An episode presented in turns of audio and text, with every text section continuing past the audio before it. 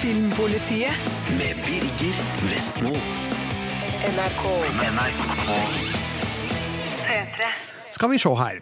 En film med både Sylvester Stallone og Arnold Schwarzenegger ville ha vært en våt actiondrøm for 25 år siden. Nå spiller de sammen i Escape Plan, men filmen er dessverre ingen drøm. The Grandmaster er den nye filmen til den kinesiske regissøren Wong Kar-wai, og byr på drømmende og kontemplativ kung fu, men ikke en særlig engasjerende historie. Og Thanks for Sharing er en grei romantisk komedie som forteller søtt og enkelt om sexavhengighet. Det er de tre premierefilmene som skal under lupen i dagens Filmpoliti, der vi òg feller dommen over den nye PlayStation 4-konsollen som lanseres i dag, samt det nye spillet Killzone Shadowfall. Filmpolitiet anmelder film. I need a diversion. Okay. Sylvester Stallone og Arnold Schwarzenegger i samme film kun har vært en våt actiondrøm for 25 år siden. Escape Plan er kanskje ingen drøm av en film, men regissør Mikael Hofstrøm vet hva han har laga. Det her er en B-film med billig preg, og et manus som er avhengig av enorme usannsynligheter for å henge sammen. Men eh, er det underholdende? Ja, av og til så er det det. Og når jeg legger godviljen til, syns jeg at både Stallone og Schwarzenegger så vidt passerer som aldrende actionhelter. Ray Breslin is able to break out of any prison designed by man. Ray Breslin, spilt av Stallone, er profesjonell fengselsutbryter. Han går undercover i fengsel for å rømme og dermed påvise svakheter. Men hans nye oppdrag på ukjent sted blir fullt alvor når fengselssjefen Hobbs, spilt av Jim Caviezel, ikke aner hvem Breslin er, og gjør det klinkende klart at han skal sitte til evig tid. Han må alliere seg med medfangen Rottmeier, spilt av Schwarzenegger, for å finne en rømningsvei. Stallone spiller steinhardt i denne filmen, uten hint av sjølironisk distanse. Vi blir bedt om å stole på figurens uovertruffenhet med minst mulig bevis. Curtis 50 Cent Jackson viser han et slags puslespill på en dataskjerm. Stallone løser det med tre tastetrykk. Vips, han er forklart som datageni. Han viser seg også som en slåsskjempe av rang, og er i tillegg et praktisk geni. Denne karen kun spiste MacGyver til frokost. Det hadde hjulpet med litt glimt i øyet her, Stallone. Schwarzenegger ser ut til å ha det litt mer gøy i sin tullerolle, sjøl om det er langt mindre imponerende å se han nå enn for 25 år pretend. Filmens premiss er interessant nok, men troverdighetsnivået er heller lavt. Isolatcella i dette fengselet har beleilig nok ei luke i gulvet. Ja vel, akkurat. Det må vel være slik, da. Ellers hadde filmen blitt kort og kjedelig. Hvis man først svelger kamelene historien serverer, er det en del action å hente, samt noen halvmorsomme pappfigurprestasjoner av Jim Caviezel som fengselssjefen, Vinnie Jones som hans sadistiske høyrehånd, og stakkars Sam Neill i en utakknemlig rolle som fengselslege med samvittighetskvaler. Showtime. Escape Plan er altså ikke en kvalitetsfilm på noen måter, men en gammel actiongris som er liker likevel at gamle helter får leke sammen. Scenen der Arnold endelig får kloa i et maskingevær i slow motion, er ganske sikkert verdt inngangspengene for alt som hadde kommandoplakat på veggen i 1985. Escape Plan kun har passert som Canon-film på VHS rundt samme tid, og det er litt søtt at vi får slik gammeldags action på kino i 2013. You tell whoever put me here, I'm gonna burn this place to the ground. Terningkast tre. Les mer om film, spill og serier på p3.no Filmpolitiet. I dag lanseres endelig Sonys nye spillkonsoll PlayStation 4. Det her har mange venta på i år og dag. En av de sa nettopp woho og heter Rune Håkonsen. Hei, Birger. Eh, Du har jo hatt konsollen nå i et par ukers tid, Ja, og en av de heldige der, vet du. ga jo en forhåndstitt på den sist fredag, men nå har du fått sjekka skikkelig og felt en endelig dom. Jeg har spilt mye, kosa meg, det må jeg si at jeg har, eh, men også rynka øynebrynene mine litt sammen på et par enkelte ting. Men jeg kan jo avsløre nå helt i starten at helhetsinntrykket, det er positivt. La oss ta det ytre først. Altså, Hvordan ser boksen ut, syns du? Jeg synes Boksen er veldig kult designa. Den ser veldig fremtidsretta ut. Den er sort, den er relativt liten, og den har noen veldig skarpe kanter og ja, liksom litt sånn bøyd og sånn, som gjør at den, den passer veldig godt inn i stua. Men det er jo ikke det ytre som er det aller viktigste. Det er jo hva som kommer på TV-skjermen, og det er hva du holder i hånda når du spiller. Og La oss ta først på det tekniske. Eh, Selve konsollen er en kraftig oppgradering fra PlayStation 3, og de har valgt å gå i en annen retning når det gjelder rett og slett prosessorteknologi, sånn at det er lettere å lage spill til PlayStation 4 enn PlayStation 3. Og Det, det har man lagt merke til allerede i f.eks. Killzone Shadowfall. Eh, Anmeldelsen av det kan man lese på p3.no, eh, hvor jeg syns virkelig at maskinen viser seg fra sin grafiske side. Det er veldig pent, lyssatt, mange effekter og partikler, sånn at jeg får en veldig god opplevelse av hva fremtiden vil bringe når det gjelder rent grafikkmessig. Eh, Mens selve håndkontrolleren den syns jeg fungerer eksepsjonelt godt. Et stort trinn opp fra eh, da f.eks. PlayStation 3-kontrolleren, som jeg syns da fungerer eh, veldig, veldig godt. Men det aller viktigste her er jo kanskje hvordan det er å bruke den i det daglige, og der legger jeg veldig godt merke til at eh, de har altså Sony, som da står bak PlayStation 4-konsollen, har lagt et stort fokus på det digitale. Nettopp det at man kan koble seg til nett, dele opplevelser osv. Og, og akkurat dette er en litt spesiell ting i det norske markedet, fortalte Sonys eh, PlayStation-sjef i Europa meg da jeg snakka med han litt eh, tidligere i høst. I, I'd say uh, consumers in, in in the Nordic region and, and obviously Norway included, uh, very much in that, are, are far more digitally engaged um, than consumers, certainly in Southern Europe, but probably in all the rest of Europe. Um, there, there's a high degree of digital savviness. Um, uh, uh, we know there's a high high degree of digital engagement. Uh, Nordic consumers spend more time online, um, and you know they're very comfortable with the online experience. They're very comfortable buying stuff online and downloading stuff. So um, that would be the um, that would be the principal point that, that I'd offer. Det var altså Jim Ryan, eh, Sonys PlayStation-sjef i Europa, som fortalte at eh, nordiske spillere er de som er mest aktive på nett, og eh, glad for så vidt i å kjøpe ting digitalt, mye mer enn andre land i Europa. Og det har nettopp PlayStation 4-konsollen si, tatt konsekvensene av. Så det er en veldig lett tilgjengelig nettbutikk hvor alle spillene som så langt er gitt ut, det er ikke så mange siden vi er helt i startgropa, har blitt lagt ut til digital nedlasting. Du kan dele videoklipp og bilder, og ikke minst du kan strømme, eh, altså streame, da, for å bruke det engelske ordet, rett og slett det du har på skjermen din, ut på nett til de som vil, eh, vil følge med. Så kontrolleren er eh, kanskje det vi trekker fram som det aller beste med den nye hardwaren, eller maskinvaren, mens selve konsollen foreløpig ikke har Den har ikke blåst meg rett i bakken, da skal vi si, på grafikk eller teknikk, men, men der er det mye å, å gå på. Så foreløpig så er det et positivt inntrykk på denne delen. Og eh, jeg glemte å si en ting i stad. det er nemlig at Den aller beste funksjonen er at du kan plugge inn headsetet ditt direkte i kontrolleren, Ja. og velge å få lyden servert direkte i hodetelefonen istedenfor å plage de andre i huset eller i stua. Og det er jo en bonus hvis du bor sammen med flere. Ja, det er smart. Men du, hva med spillene til PlayStation 4?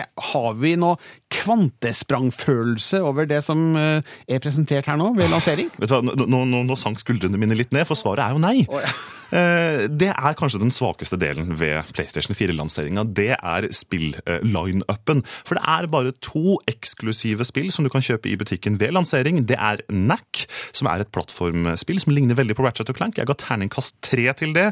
Eh, Skapt litt diskusjon i kommentarfeltet på nettsidene våre allerede. Må jo anbefale p3.no filmpolitiet der. Ja. Eh, Mens Killzone Shadowfall, som man også kan lese på, på nett, eh, litt bedre imponert over grafikken der. Det finnes noen eksklusive nedlastbare spill, men det er ingen av disse som på en måte har stukket seg fram som spesielt framtidsretta, og det merker jeg er litt trist. Sånn at eh, det høyeste terningkastet jeg har gitt, er til et nedlastbart spill som heter Rezogun. Eh, Men det er igjen mer en retro-homasj enn å eh, vende seg inn mot framtida. Det er det dessverre. Er ikke det litt rart, fordi da PlayStation 3 kom, og også Xbox 360 for den del, så sto det jo en rekke spill klappete klar, og i HD, som var det store kantespranget den gangen. Men nå har vi altså ikke et lignende kvantesprang. Det er to ting som er viktig å, å ta med seg her. Det er at et av disse store spillene som var venta å være lanseringsklare, nemlig Ubisofts eh, Watch Dogs, ble utsatt, for det var rett og slett ikke ferdig til lanseringen av konsollen. Og det eh, førte nok til et lite tilbakeslag for Sonys eh, lanseringsplaner. Så da ble det litt tynnere. Men det andre er jo at hvis man ser på de beste spillene til PlayStation 3-konsollen, en toppliste som vi var innom i forrige uke eh, på nettsidene våre, topp 10 PlayStation 3-spill kåra vi da, så var det jo egentlig ingen av de som var blant de første spillene som kom til konsollen. Det var først de som kom etter en stund, hvor utviklerne hadde lært seg den å kjenne og utnytta teknikken best, som førte til de beste spillopplevelsene. Så vi må huske at selv om man kanskje er skuffa nå i starten, jeg skulle gjerne hatt mer, så er det en vei videre, og den går ofte oppover, om vi skal dømme fra PlayStation 3. Ja, så Det er grunn til å tro at om et års tid, da har vi en samlingsspill som virkelig kan eh, utnytte maskinkrafta i den nye konsollen? Ja, og jeg syns også det er viktig å ta til hensyn dette perspektivet, da, når man ser denne dommen som jeg og anmeldelsen jeg kom med. Jeg skal komme et lite terningkast over PlayStation 4 etterpå. Det er at dette er jo et produkt under kontinuerlig utvikling. Eh, Vi må huske at det kommer nye oppdateringer, nye ting som forbedrer og endrer på opplevelsen av konsollen, så om tre år så må nok jeg ta en ny vurdering. Men en av de tingene da som vi venter kommer litt ned i linje, er nettopp å kunne spille PlayStation 3-spill på PlayStation 4. Det er jo mange med store spillbibliotek som nå rett og slett ikke kan bruke disse spillene på PlayStation 4. Det er irriterende, men Sony har lovt en mulighet til å strømme PlayStation 3-spill direkte til PlayStation 4, som man gjør med Netflix f.eks. Men denne tjenesten kommer ikke til Europa med det første, annet fordi at bredbåndsinfrastrukturen er rett og slett for dårlig, og det kan jo ikke Sony gjøre noe med. You know, it's a bit like uh, I- I'm just watching the rain come down here uh, in Copenhagen, and there's um, there's not much I can do about that, and and um, there's not much PlayStation can do about the internet either. So, and the good news for Norwegian consumers is that you are in a good place relative to, let's say, Italy uh, in terms of the uh, the infrastructure there. As we come to roll out our streaming service to Europe, and we will do it. And you're right, we haven't yet announced any timelines.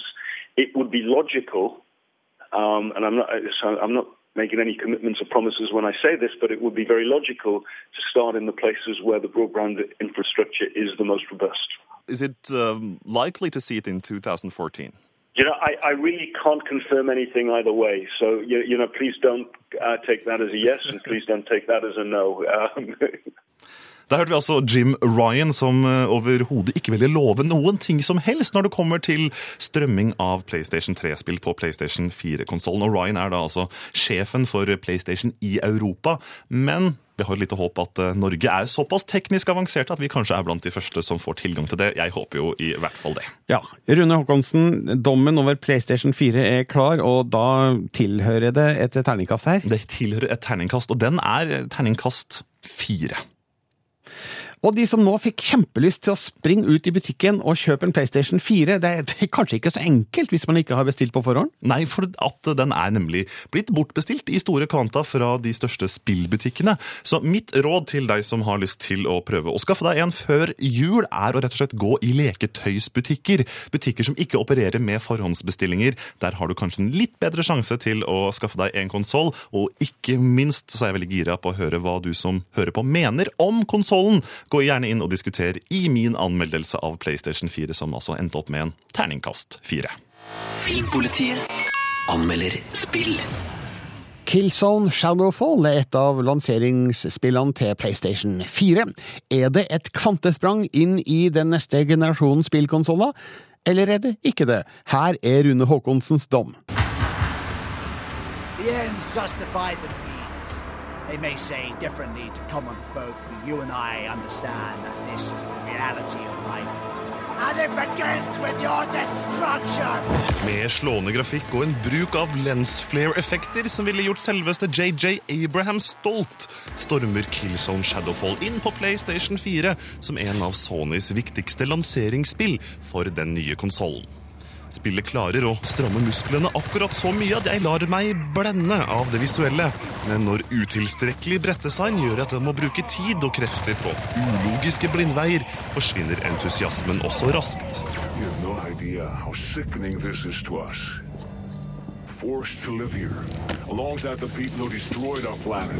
En skitten bombe gjør planeten Helgan ubeboelig i avslutningen til Killzone 3, forrige spill i serien, et par tiår før Shadowfall sparker i gang i år 2370. Ødeleggelsene og lidelsene er enorme. Befolkningen på Vektan rydder plass på halve planeten for å ta imot eh, flyktningene. Ekkoene av den kalde krigen og Berlinmuren lyder over det fremmede landskapet, hvor en enorm vegg deler planeten i to. De to grupperingene på hver sin side av muren er ikke spesielt glade i hverandre.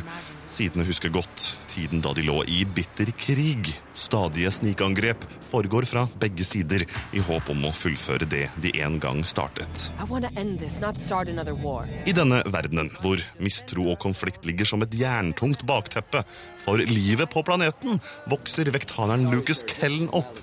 I klassisk førstepersonsperspektiv må du ta kontrollen over ham og hans skjebne, og skyte deg til topps i en fortelling fylt av personlige tragedier og skyggespill.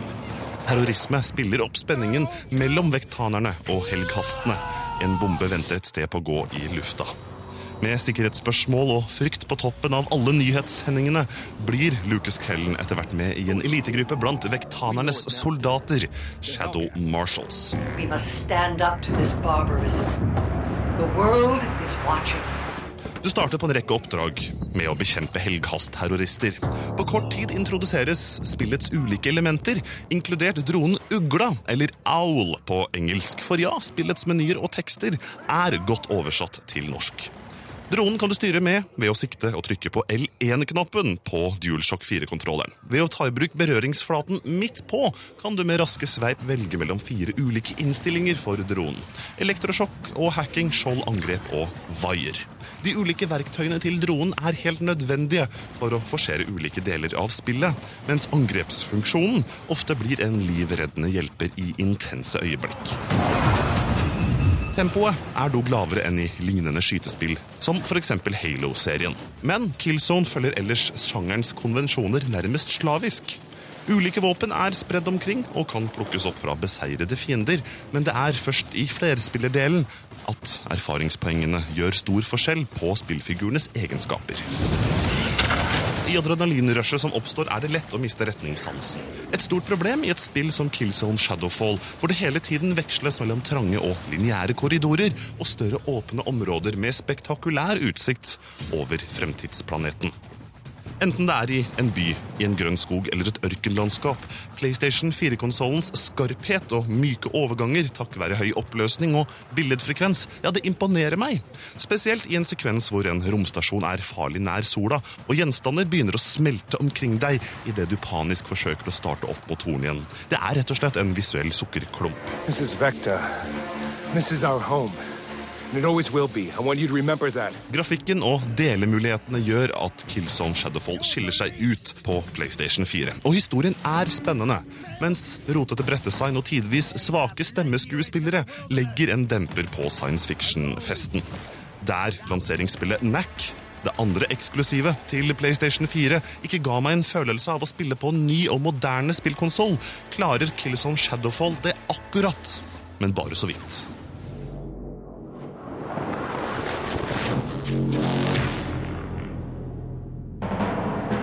Terningkast fire.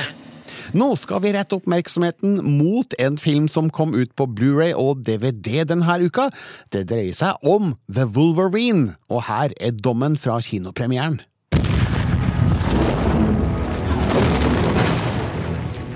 It's an honor to meet the Wolverine. That's not who I am anymore. Wolverine er etter min og manges mening den klart kuleste figuren i X-Men-universet. Bakgrunnen hans ble utforska i X-Men Origins i 2009, men han fortjener enda en film på egen hånd.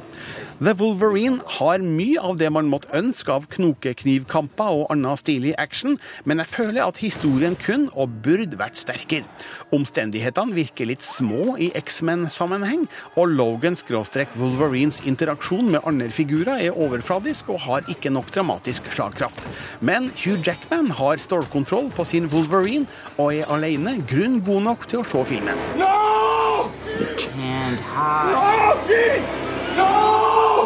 Logan-Wolverine er en merka mann som har trukket seg tilbake til villmarka. Han pines av at han måtte ta livet av sin kjære Jean Grey i X-Men The Last Stand, og har sterkt ambivalente følelser om sine egne evner. Men nå innhentes han av japansk fortid og tvinges til å ta et oppgjør med hvordan han skal benytte sine spesielle krefter i solens rike. Det meste av handlinga foregår i Japan, og det betyr ninjakrigere, yakuza-mafia og stilfull østlig estetikk. Vi møter òg Yashida, spilt av Hal Yamanoche, en gammel og mektig mann som i sin ungdom ble redda av Logan, noe vi ser i en spektakulær og eksplosiv åpningssekvens. Nå har han en siste tjeneste å be om, nemlig Wolverines udødelighet. Men familien trues av intern strid, og Logan må redde Yashidas barnebarn Mariko, spilt av Tao Okamoto, fra farlige krefter. Filmen bruker god tid på å bygge opp den intrikate handlinga som involverer flere figurer enn dem jeg har nevnt. Our company can do anything. I can make you mortal. Av og til syns jeg det blir litt mye prat, men actionscenene kommer heldigvis med jevne mellomrom og er dyktig filma og redigert. Spesielt imponerer seg av en sekvens der Logan møter et dusin ninjaer med pil og bue, en jaktscene på et hurtigtog, samt den før nevnte åpningssekvensen som er direkte eksplosiv.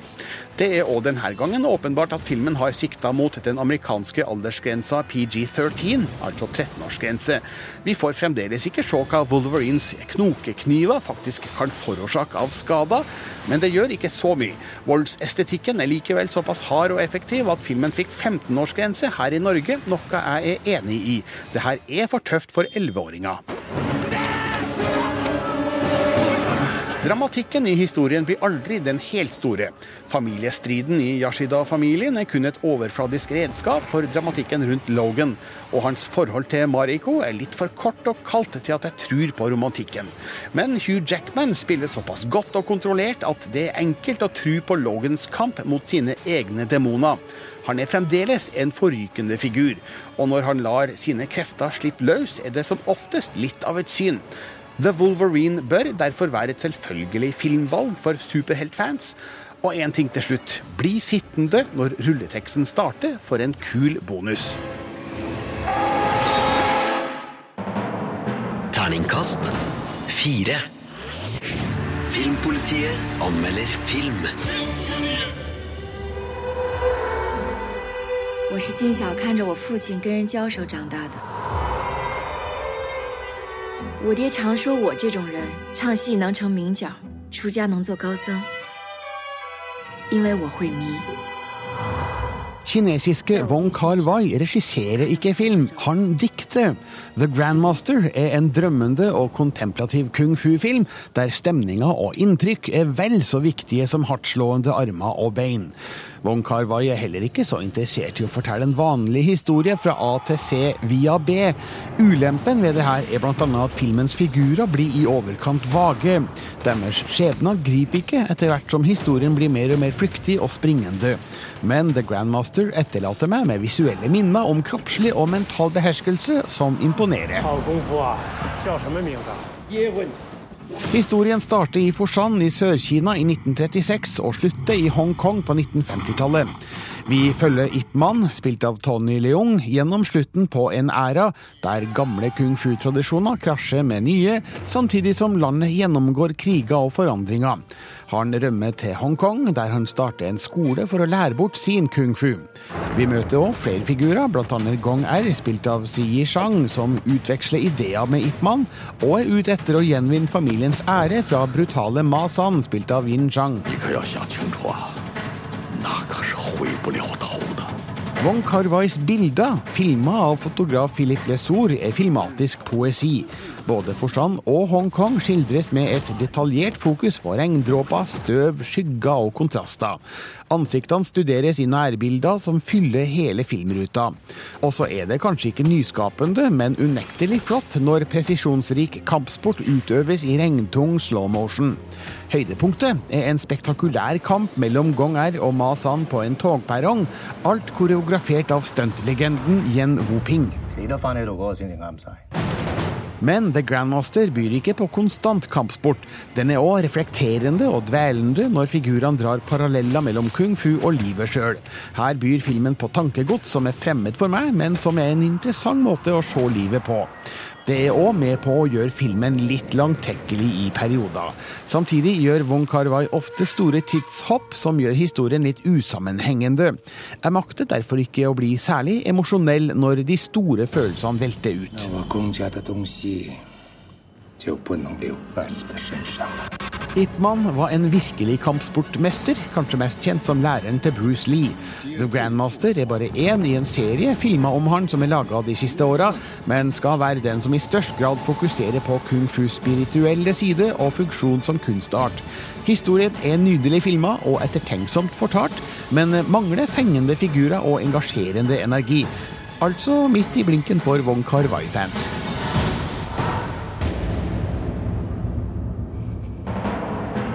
Terningkast fire.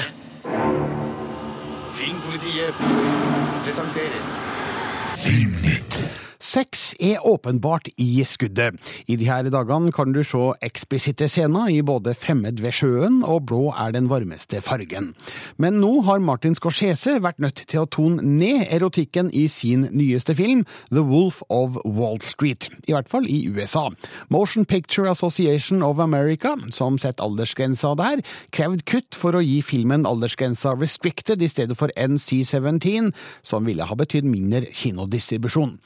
Scorsese adlød, men jeg håper virkelig at vi får se hans fulle versjon på kino i Norge, når den får premiere 31. januar. Den japanske regissøren Takashi Miike skal tilbake til voldelig morofilm, ifølge Variety. As God Says skal være den engelske tittelen på filmen, som skal følge fire ungdommer som plutselig befinner seg i et voldsomt spill med potensielt dødelig utgang. Miike beskriver filmen slik. De lever, hoda ruller, de springer, blod spruter, de gråter, de ler. Altså en morsom film. Filmens premiss kan kanskje minne om The Hunger Games, men så minner jo òg The Hunger Games om japanske Battle Royale, så da sier vi at ringen er slutta. En av denne ukas kuleste nyheter på filmfronten er at Quentin Tarantinos neste film blir enda en western. Han fikk åpenbart blod på tann, sikkert bokstavelig talt, under arbeidet med Django Unchained, men det blir likevel ikke en oppfølger. Han sa til talkshow-verten Jay Leno på tirsdag at han elsker westernsjangeren, og vil lage en til, nå som han har lært seg hvordan det skal gjøres.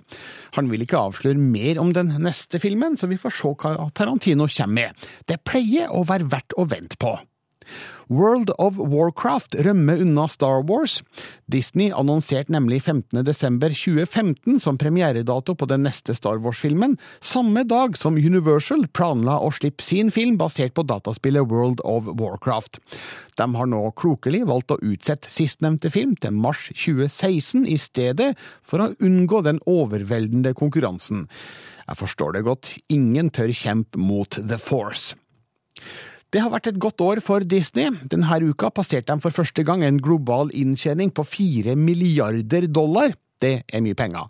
Og det takka være noen store sluggerfilmer som har blitt kassa suksesser, nemlig Iron Man 3, Thor 2, The Dark World og Monsteruniversitetet. Iron Man 3 er nå den femte mest innbringende filmen gjennom tidene, mens Monsteruniversitetet har blitt Pixars tredje mest innbringende film. Og fremtida ser lys ut om man tenker på penger. Animasjonsfilmen Frost har USA-premiere i dag, mens eh, Norge får den første juledag. Og neste år kommer blant annet både Captain America 2 og Guardians of the Galaxy. Men 2015 blir kanskje et nytt rekordår for Disney, for da kommer både The Avengers 2 og den før nevnte Star Wars episode 7. Og så er det bare å gratulere regissør Rasmus Sivertsen og de andre som står bak Solan og Ludvig Jul i Flåklypa. Over en halv million billetter er solgt de siste ukene, og har for lengst gjort den til årets mest sette film i Norge. Det passer derfor bra med en animert feiring. I morgen markeres nemlig 100 år med norsk animasjon på Filmens hus i Oslo, med åpent hus fra klokka tolv. Der blir det barnevennlige aktiviteter og visning av blant annet Toril Koves Oscar-vinnende kortfilm Den danske dikteren og Ivo Caprinos klassiker Flåklypa Grand Prix. Filmpolitiet anmelder film. Wow, flip phone, huh? You were carbon dating this thing? What are you doing? Don't be so slow, Pinocchio. Thanks for sharing bruker sexavhengighet som småskrudd innfallsvinkel til en hyggelig, men ganske gjennomsnittlig romantisk komedie. Den har sjarmerende figurtolkninger av både Mark Ruffalo, Tim Robins, Josh Gad og Pink, og en lett blanding av morsomme situasjoner og alvorlige problemstillinger. Den går ikke veldig i dybden av tematikken, og jeg tror ikke jeg kommer til å huske filmen særlig lenge, men det her er grei underholdning av det lette slaget. What's your name? Adam, sex addict. Adam, spilt av Mark Ruffalo, lir av sexavhengighet og går i terapi sammen med bl.a. sponsoren Mike, spilt av Tim Robins, Neil, spilt av Josh Gad, og Didi, spilt av Alesia Pink Moore, som all har fått livskvaliteten nedsatt pga. sin avhengighet. Så møter Adam Phoebe, spilt av Gwyneth Paltrow, men eh, unnlater å fortelle hun om sin avhengighet. Samtidig blir Mike tvunget til et oppgjør med seg sjøl, mens Neil og Didi danner en uventa allianse for å overvinne sine problemer. Det er mange figurer i filmen, men regissør Stuart Bloomberg gjør en god jobb med å sjonglere mellom dem, slik at de blir vektlagt ganske likt. Alle er sympatiske, sjøl når enkelte uheldige karaktertrekk kommer frem i lyset, som Mikes ignorering av sønnen Danny, spilt av Patrick Fugit, og Nils ekle vaner med skjult kamera. Likevel blir personskildringene litt overfladiske. Alvor avløses som regel av noe morsomt. Stuart Bloomberg og Matt Winstons manus pirker et stykke under overflata, men kommer ikke til bunn. How could you be a sex addict? You don't even have sex. What are you doing? It's a little bit more complicated than that. Skuespillerne scorer godt på min skala. Mark Ruffalos Adam fremstår som en oppriktig person, sjøl med perfeksjonert All American-utseende. Tim Robins utstråler styrke med dominerende lærjakke som Mike. Josh Gad, nylig sett som Steve Wozniak i filmen Jobs, spiller Neil som elskelig og ubehjelpelig, mens Alesia Moore gir en avslappa prestasjon som Didi, som passer hun. Bare Gwyneth Paltrow blir litt for tynn som Phoebe, den dårligst skrevne rollefiguren i denne filmen. Filmen behandler kanskje avhengighetstematikken med silkehansker, men har heldigvis ingen enkle løsninger på lur for de her menneskene. Noen opplever kanskje en lykkelig utgang, andre ikke. Figurenes menneskelighet er åpenbar og gir oss gode grunner til å heie på dem. Thanks for sharing er altså en fin dramakomedie i forbifarten. Just remember one day at a time. Terningkast fire. Nå nærmest skal jeg anmelde en film du kan se på NRK1 eh, i morgen kveld klokka 00.00, altså ved midnatt. Den heter The Wedding Planner, er fra 2001, og her er dommen jeg ga den gang.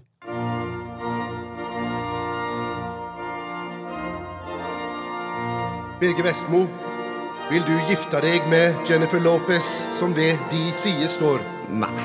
Nei? Nei, Jennifer Lopez står da slettes ikke fra min side. Det er ikke hennes jobb å være brud. Hennes jobb er å planlegge andres bryllup. Derav navnet på filmen hun spiller hovedrollen i, The Wedding Planner. Denne yrkesgruppa arbeider etter én hovedregel aldri forelsk deg i brudgommen. Og så kan du jo gjette hva Jennifer gjør. It's the doctor. I'm confused. Is it the doctor or did you fall for the groom? No, the doctor is the groom. The groom is the doctor. The doctor is Fran Donnelly's fiance. The dumpster girl is your wedding planner? Yes. I'm in hell. And I'm in heaven. Now you can fix me up with it. Men om Jennifer Lopez ved din side sto, ville du da ha gifta deg med henne? Nei. Nei! Nei, jeg har ikke nok penger. Jeg vet at Jennifer synger 'Even if you were broke, my love don't cost a thing' over rulleteksten, men jeg tror jo ikke på det et sekund. Hun har vært sammen med milliardær Puff Daddy, og i filmen forelsker hun seg i en drømmekjekk lege som er langt ifra blakk. Jeg tviler liksom på at jeg hadde kapra Jennifers hjerte med en Grandiosa og et søtt smil. And the feelings that I have for Fran run deep. It's not something that can be swept away in one night with one dance. Not gonna happen. What the hell was I thinking? You were thinking wrong. I was thinking wrong, man. I was being a jackass. Come on, Steve. Hvem er den karen? Matthew McConaughey, en av Hollywoods mest overvurderte filmstjerner. Han skaper ikke særlig mye oppstyr heller i The Wedding Planner. Han er rett og slett kjedelig, men overgås i kjedelighet av Lopez sjøl. Det er like mye manusforfatter og regissørs skyld. Det er en platt og særdeles forutsigbar film, det her, som retter seg mot ugifte, drømmende damer rundt i 30 eller 40, men de har sett mye bedre bryllupsfilmer før. Men hvem vil du gifte deg med da? Noen som ikke går rundt som et levende reklameskilt for Revlon. Altså definitivt ikke Jennifer Lopez.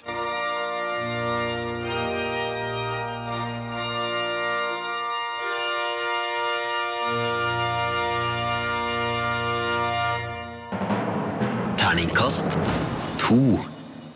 Du har altså hørt min anmeldelse av The Wedding Planner fra 2001. I morgen kveld går den på NRK1 ved midnatt, men du skjønte kanskje av denne anmeldelsen at du ikke går glipp av noe hvis du velger å gjøre noe annet i morgen kveld. Det nærmer seg slutten for dagens Filmpoliti, og så er det på tide å komme en liten oppsummering her, da. Hvilke filmer er det som går på kino for tida som er aller best? Og de to eneste som går på kino nå, som har terningkast seks fra oss i Filmpolitiet, det er dokumentarfilmen The Act of Killing og dramafilmen Captain Phillips med Tom Hanks. På terningkast fem finner vi den franske thrilleren Fremmed ved sjøen. Det britisk-amerikanske dramaet Filomena, den japanske animerte filmen Wolf Children, og så har vi da Gravity med Sandra Bullock og George Clooney. Thor, The Dark World og Solan og Ludvig Jul i Flåklypa. Alle de har terningkast fem, og det er ikke det eneste som har det. Sjekk ut hvilke på våre nettsider. Les mer om film, spill og serier på p3.no Filmpolitiet. Hør flere podkaster på nrk.no podkast. P3.